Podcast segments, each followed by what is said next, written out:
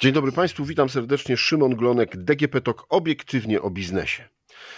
Proszę Państwa, niewypłacalność. E, czy to jest już e, duży problem w polskiej gospodarce? E, czy to jest tak, że ten 2022 rok mocno zachwiał podstawami naszych firm?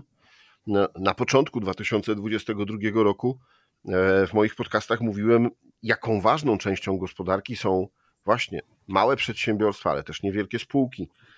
Czy końcówka tego roku mocno ten rynek zachwiała? O tym wszystkim e, porozmawiam z Grzegorzem Sielewiczem, głównym ekonomistą KOFAS w Polsce i w regionie Europy Centralnej. Dzień dobry, witam panie Grzegorzu. Dzień dobry, witam pana, witam państwa. E, a Przyczynkiem będzie taki roczny raport, który Kofas przygotował właśnie na temat niewypłacalności firm w Polsce w 2022 roku. E, no to zacznijmy może od tego początku, żebyśmy wiedzieli, o czym mówimy. Co to oznacza niewypłacalność?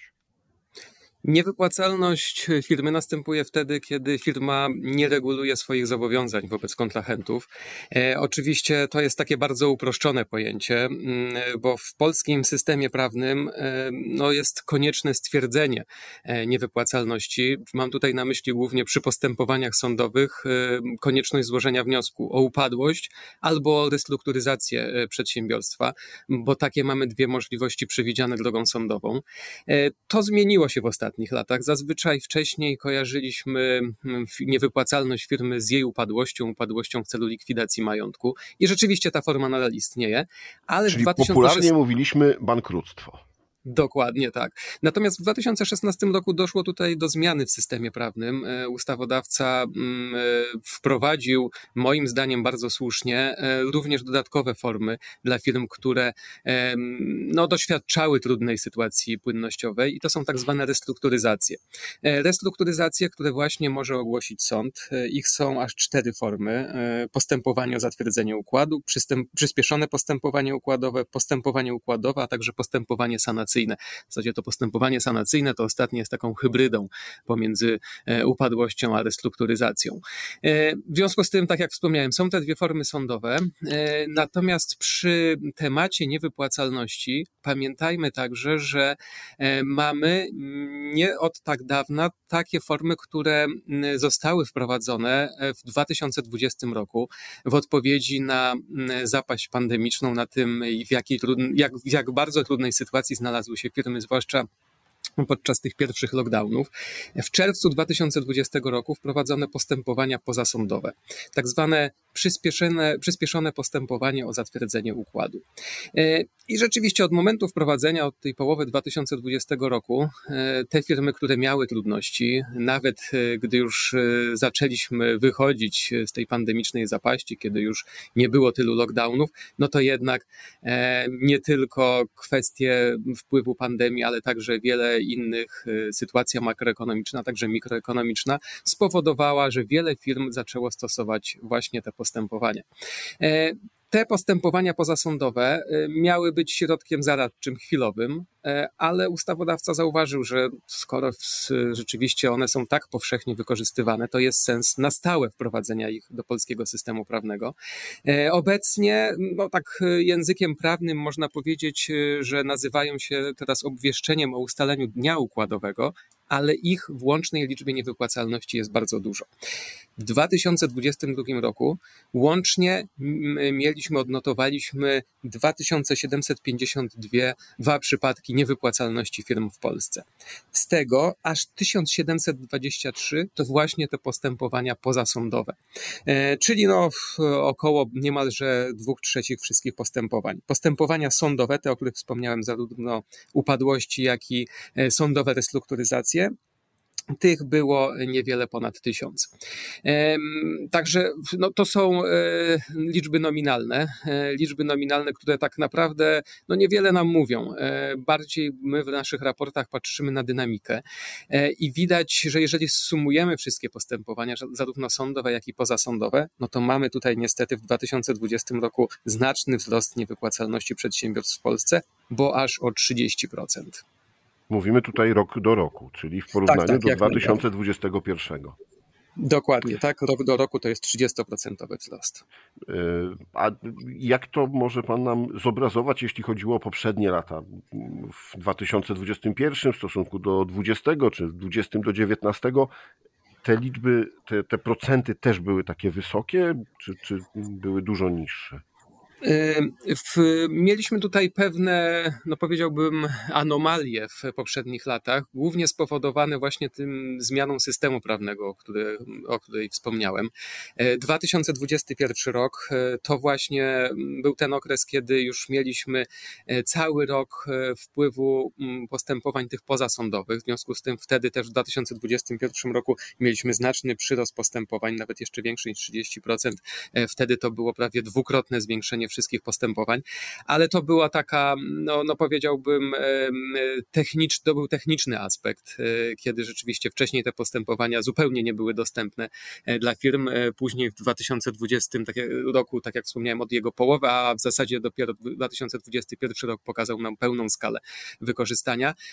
No więc to było taki zupełnie, może nie zupełnie, ale w dużej części aspekt techniczny, a teraz w 2022 roku no widzimy, że to jest nie tylko sam system prawny, ale także wiele wyzwań, jakie stały przed przedsiębiorstwami w 2022 roku. One zaczęły coraz bardziej się materializować i coraz więcej firm ogłaszało swoją e, niewypłacalność. Mm, no tutaj oczywiście możemy to odnieść do sytuacji makroekonomicznej. E, sytuacja makroekonomiczna w Polsce w 2022 roku jako całości wcale nie była taka zła, ponieważ zgodnie z naszymi szacunkami e, wzrost PKB w 2022 roku sięgnął 4,5%. E, czyli całkiem przyzwoity poziom. Nie aż tak wysoki jak 6,8% w 2021, ale pamiętajmy, że ten 2021 był takim odreagowaniem po tej pandemicznej zapaści, po lockdownach, po recesji pandemicznej. W związku z tym ciężko by było utrzymać to same tempo wzrostu gospodarczego. Oczywiście e, tu, jeżeli byśmy podzielili e, rok 2022 na kwartały, na miesiące, widzimy, że niestety druga połowa była mniej korzystna, że doszło do spowolnienia wzrostu gospodarczego w Polsce. Inflacja, jak doskonale wiemy, e, zaczęła przybierać na sile. Mieliśmy wzrost stóp procentowych, kolejny wzrost stóp procentowych, mieliśmy coraz więcej wyzwań przed przedsiębiorstwami, konsekwencje, negatywne konsekwencje, wpływ e, wojny w Ukrainie. E, on nadal się utrzymuje, ale 2022 rok to powiedziałbym, że taki był okresem dostosowawczym, zwłaszcza na początku, wtedy, kiedy e, zaczęło brakować różnych komponentów, ceny wielu dóbr, surowców energetycznych, ale także części wykorzystywanych w produkcji zaczęły bardzo rosnąć. Niektórych, tak jak wspomniałem, zaczęło po prostu brakować. To spowodowało, e, że właśnie nie tylko sytuacja makroekonomiczna, ale mikroekonomiczna e, stała się e, o wiele trudniejsza. No i dlatego mamy niestety wzrost upadłości w Polsce. Przepraszam, nie upadłości, a ogólnie liczby niewypłacalności w Polsce przez długi czas, jeszcze przed pandemią czy w trakcie pandemii, mówiło się, że jednak polskie firmy mm, mają sporo gotówki, mają sporo oszczędności e, albo w bankach, albo wręcz na, w kasie firmy. E, no i że ta gospodarka, jakby opierając się na tych, na tych firmach, jest stabilna, nie ma wielkich zagrożeń. E, czy ten 22 rok tak mocno zmienił tą sytuację? Czy rzeczywiście inflacja, wzrost cen energii, odpływ pracowników, e, szczególnie właśnie e, obywateli Ukrainy z niektórych branż, szczególnie z e, budownictwa, mógł mieć tak duży wpływ, że firmy zaczęły coraz mocniej być niewypłacalne? No rzeczywiście w 2022 roku nastąpił splot wielu niekorzystnych czynników. E, te, o których Pan wspomniał, e, czyli chociażby wzrost kosztów energii. E, to odczuwają, odczuwa wiele, jeśli nie wszystkie firmy. Oczywiście nie tylko wzrost kosztów energii, ale te wspomniane wcześniej także części, komponenty używane w produkcji. Widzimy, że większość z nich zdrożało. Oczywiście wiele firm przełożyło ten efekt na finalnych odbiorców. Natomiast jeżeli porównamy wskaźniki e, cen, te, które płacą przedsiębiorcy, czyli, czyli wskaźniki cen produkcji przemysłowej, one w ostatnich miesiącach, w 2022 roku, jednak ich dynamika była wyższa niż dynamika inflacji. W związku z tym to przełożenie kosztów nie było całościowe na konsumentów, na odbiorców finalnych. Dodatkowo możemy tutaj mówić o tym, że 2022 rok no to także wiele innych wyzwań. My regularnie prowadzimy tak zwane badania płatności wśród firm w Polsce, gdzie pytamy firmy o terminy płatności, o opóźnienia w płatnościach, jakie występują w biznesie, ale także o to, z jakimi muszą mierzyć się wyzwaniami. Tematem numer jeden obecnie są, a w zasadzie powrócił ten temat numer jeden po, po, po okresie pandemii, po tym okresie, kiedy firmy niepokoiły się wpływem COVID-u. E, tematem, który powrócił, to są podatki i inne opłaty fiskalne. E, to nadal e, jest dosyć duże ograniczenie działalności firm. Nie tyle, że muszą płacić podatki, bo, bo oczywiście nie jesteśmy rajem podatkowym i, i jak najbardziej mamy, mamy tu no, system podatkowy, do którego trzeba się dostosować, ale niejasność, niespójność wprowadzanych przepisów, też niepewność, czy nie nastąpi tutaj dodatkowe opodatkowanie.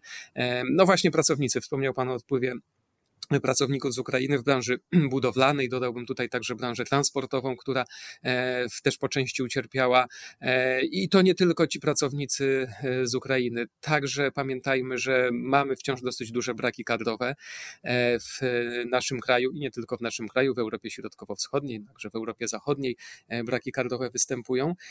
To, to nie tylko jest tak, że trudno jest znaleźć pracownika firmom, ale że presja płacowa jest dosyć duża. Ta presja presja płacowa mm, nie jest tylko mm, nasilona przez braki kadrowe, ale także chociażby przez e, mm, takie techniczne aspekty, czyli podnoszenia e, płacy minimalnej. To znajduje odzwierciedlenie nie tylko e, w odniesieniu do pracowników dostających płacę minimalną, ale powoduje właśnie presję na wzrost średnich wynagrodzeń, a przy wzroście inflacji, no ta presja jest jeszcze dodatkowa. W związku z tym, no w zasadzie z wielu stron, mówiąc kolokwialnie, firmy tutaj dostały negatywnie e, tymi warunkami muszą się do nich dostosowywać. E, zwłaszcza dla firm małych. Widzimy, że zwłaszcza firmy małe, e, te, tym trudniej jest się dostosowywać do warunków, jeżeli to są chociażby nieduże piekarnie, firmy, które są zależne od tego, czy klient do nich przyjdzie, klient, który jest wrażliwy na zmiany cen, e, te firmy, no widać, że już wiele z nich musiało ogłosić niewypłacalność. Przy firmach większych zazwyczaj ten czas e, do niewypłacalności nie jest tak szybki. E, często jest tak, że to są filie zagranicznych firm, e, spółki córki tutaj u nas w krajach, więc ten bufor bezpieczeństwa finansowego jest większy i taka firma też e, może dłużej przetrwać niż firma mała, która, nawiasem mówiąc, jeżeli ma kontrahenta dużą firmę, no to ta mała jest zazwyczaj w gorszej sytuacji. Jeżeli mała firma dostarcza firmie dłużej, to i terminy płatności są negocjowane dłuższe i także niestety ta mała firma doświadcza doświadcza dłuższych opóźnień w płatnościach. To są również wnioski, które płyną z naszych badań płatności. Mhm. Y, zajmuje się Pan nie tylko Polską, ale właśnie całym regionem tutaj Europy Centralnej. Jak 2022 rok wyglądał w innych krajach y, naszego regionu? Jeżeli chodzi o niewypłacalności przedsiębiorstw w Europie Środkowo-Wschodniej, e, mamy sytuację może nie aż tak dużego wzrostu niewypłacalności jak w Polsce, ale jednak wzrostu niewypłacalności także w innych krajach. Takie przykłady jak chociażby Czechy, Rumunia, e, Węgry. Tam widzimy, że liczba niewypłacalności firm osiągnęła lub nawet przekroczyła już poziom e, z 2019 roku. Przypomnę, że my również ten poziom z 2019 roku także przekroczyliśmy. Wspominam o nim, bo to jest takie dobre porównanie e, do e, sytuacji przedpandemicznej Później, jak doskonale wiemy, mieliśmy 2020, e, czyli właśnie ta pandemiczna zapaść, odreagowanie, ożywienie, no ale właśnie 2022, który dostarczył nam bardzo dużo wyzwań, więc e, takim no, punktem odniesienia wydaje mi się, że mógłby tutaj być 2019 rok. To, co dzieje się w Europie Środkowo-Wschodniej, czyli te poziomy niewypłacalności, które są na tym poziomie, które były w 2019 roku, albo nawet wyższe, sytuacja jest odmienna w Europie Zachodniej. W Europie Zachodniej widzimy, że ten proces powrotu do przedpandemicznej normalności następuje znacznie wolniej. W takich krajach jak Niemcy, a nawet chociażby także Hiszpania czy Włochy, czyli te kraje, gdzie ryzyko biznesowe wcale nie jest niskie, tam jednak następuje dosyć powolny wzrost liczby niewypłacalności. Oczywiście widzimy, że rosną opóźnienia w płatnościach wewnętrznie. Odnotowujemy także, że jest więcej opóźnień w płatnościach, że firmy proszą o wydłużenie terminów płatności. Natomiast w tych twardych danych i w tej już, jakby no powiedziałbym, ostatecznej konsekwencji pogorszenia sytuacji płynnościowej firm, czyli ogłoszenia upadłości, ogłoszenia niewypłacalności, tam sytuacja w Europie Zachodniej nie jest aż e, tak negatywna jak w Europie Środkowo-Wschodniej, może poza dwoma wyjątkami. Jednym z nich jest Francja, gdzie powoli już powracamy do poziomów 2019 roku e, oraz Wielka Brytania. Tam sytuacja jest bardzo zbliżona e, do Europy Środkowo-Wschodniej, a nawet do Polski, gdzie te poziomy z 2019 roku zostały przekroczone e, i mamy wzrost niewypłacalności. Oczywiście tutaj w kontekście Europy Zachodniej, która jest, pozostaje naszym głównym partnerem handlowym, no nie zapominajmy, że jednak ryzyko istnieje, to, że niewypłacalności jeszcze tak bardzo nie wzrosły, jest po części zasługą zasługą, jak chociażby w Niemczech, tego, że mamy bardzo duży zakres działań pomocowych, już nie tych działań e, pandemicznych, one zostały zmienione, ale wiele działań e, dla firm energochłonnych zostało e, wprowadzonych. No i to jest trochę takie, no powiedziałbym, zamiatanie problemu pod dywan. No oczywiście pomoże to w pewien sposób niektórym firmom, ale trochę też z drugiej strony odwleka problem, ponieważ nie wydaje się, aby nawet jeżeli ceny surowców energetycznych energetycznych się ustabilizowały, są już na znacznie niższych poziomach w poprzednich, niż w poprzednich e, kwartałach, no to jednak patrząc w tym ujęciu historycznym, to co e, było chociażby w poprzedniej dekadzie, to one są na wyższych poziomach, a inflacja e, nie tylko w Polsce, ale w wielu innych krajach Europy oraz na świecie będzie na wyższych poziomach niż byliśmy przyzwyczajeni właśnie w poprzedniej dekadzie. Panie Grzegorzu, no powiem, że to nie zabrzmiało optymistycznie, bo no, o ile Brytyjczycy no pewnie mają też trochę zawirowań związanych z Brexitem e, i coraz głośniej się mówi, że e, ten problemy gospodarcze występujące tam mają też to, tą podstawę. E, no to nasi przedsiębiorcy na pewno, wielu, wielu z naszych przedsiębiorców jednak patrzyło na wyniki niemieckie z delikatnym optymizmem, no bo to jest jednak nasz największy partner handlowy. E, ze względu też na bliskość geograficzną, no, powiązania od wielu lat. E, więc jeśli mówi Pan, że to, że ten 22 rok nie był taki e, drastyczny w Niemczech, nie oznacza wcale, że ten przyszły rok taki nie będzie, tak? Dobrze zrozumiałem? Do, dokładnie tak. Ja myślę, że to jest bardzo dobra konkluzja. To oczywiście, o czym Pan wspomniał, e, jesteśmy zależni od Europy Zachodniej, głównie od gospodarki niemieckiej. To nasz główny partner handlowy. E, blisko niemalże 30% naszego eksportu właśnie jest wysyłane do Niemiec. Pamiętajmy tutaj także, że otwartość naszej gospodarki to nie tylko ten bezpośredni e, eksport do innych krajów, ale także zaangażowanie polskich firm w tak zwane globalne łańcuchy produkcyjne. To bardzo rosło w ostatnich latach Mamy przykłady chociażby producenta e, baterii do samochodów elektrycznych w Polsce, e, który no najpierw to były pomysły, aby to był taki hub regionalny, e, aby zaopatrzać fabryki w Europie Środkowo-Wschodniej właśnie w baterie do samochodów elektrycznych, ale szybko ze względu na to, że rzeczywiście spodobało się inwestorowi, jak wygląda polski rynek pracy, że, że to są wykształceni pracownicy, a koszty pracy nadal są znacznie niższe niż w Europie Zachodniej. W związku z tym ten regionalny hub szybko stał się nawet takim hubem światowym. Zmierzam do tego, że te zależności od tego, co się dzieje w globalnej gospodarce są dosyć istotne. I tak jak Pan wspomniał, 2020 rok, 2022 rok, mimo że w kontekście niewypłacalności w Niemczech, w Europie Zachodniej nie był taki zły, no to rozpoczęliśmy już rok 2023. E, tu nasze prognozy nie są tak optymistyczne.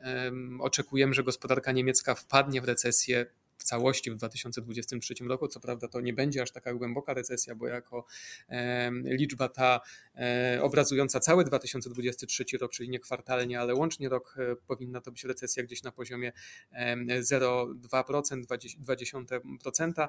E, natomiast no jednak nie jest to dodatni wzrost i to też widzimy w Polsce, w Europie Środkowo-Wschodniej, że wzrost gospodarczy będzie na znacznie niższych poziomach niż w 2022 roku. Są tu pewne światełka w tunelu, oczywiście, że prawdopodobnie te kolejne kwartały po, po pierwszym kwartale 2023 powinny makroekonomicznie być lepsze. Widzimy, że już jest odbicie e, niektórych e, wskaźników.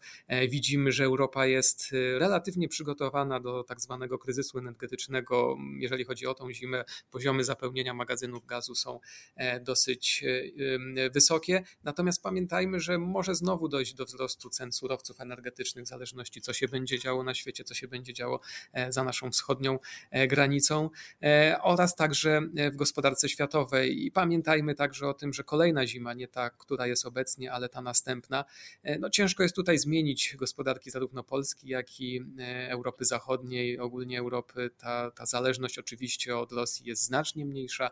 Inwestycje w infrastrukturę energetyczną są istotne, natomiast to nie jest coś, co może być całkowicie zmienione w ciągu kilku kwartałów.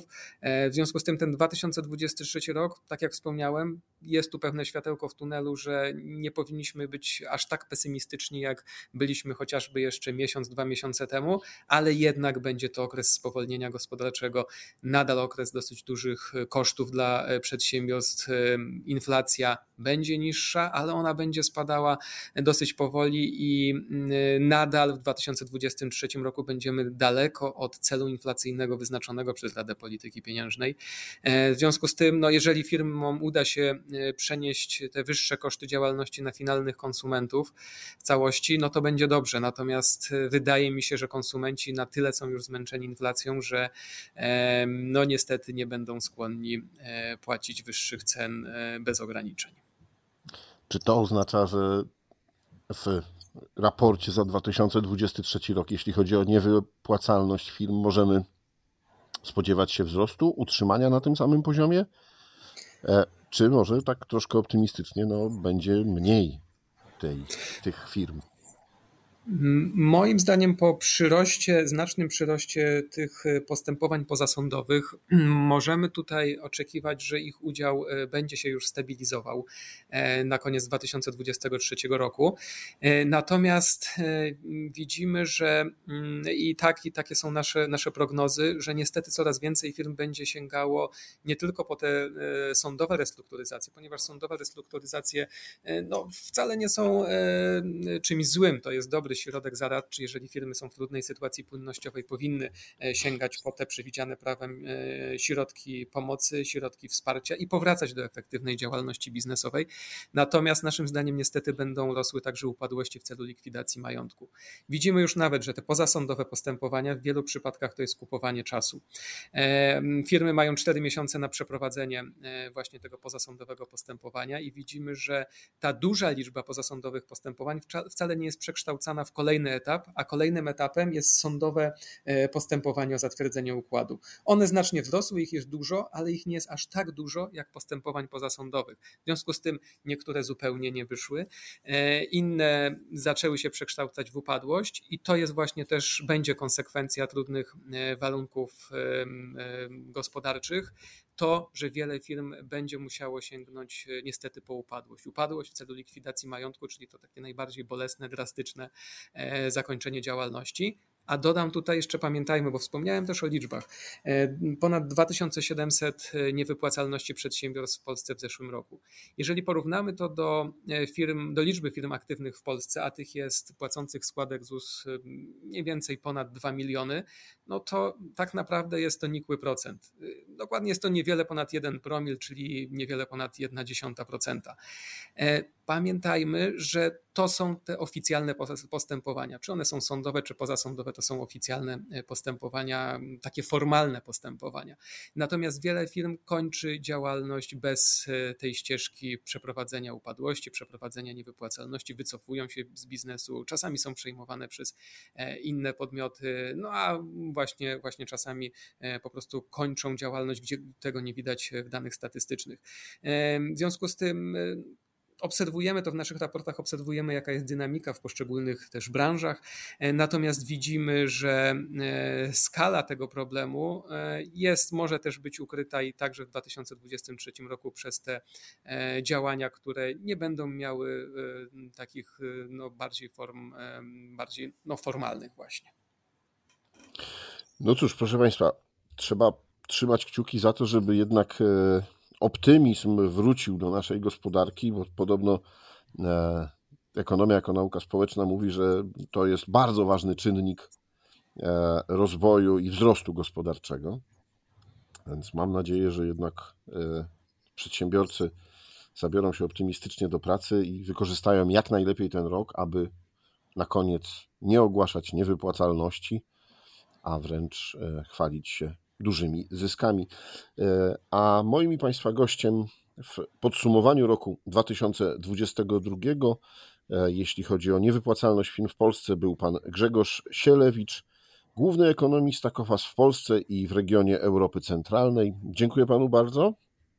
Dziękuję za rozmowę. A to było DGP Talk obiektywnie o biznesie. Rozmawiał Szymon Glonek. Do usłyszenia.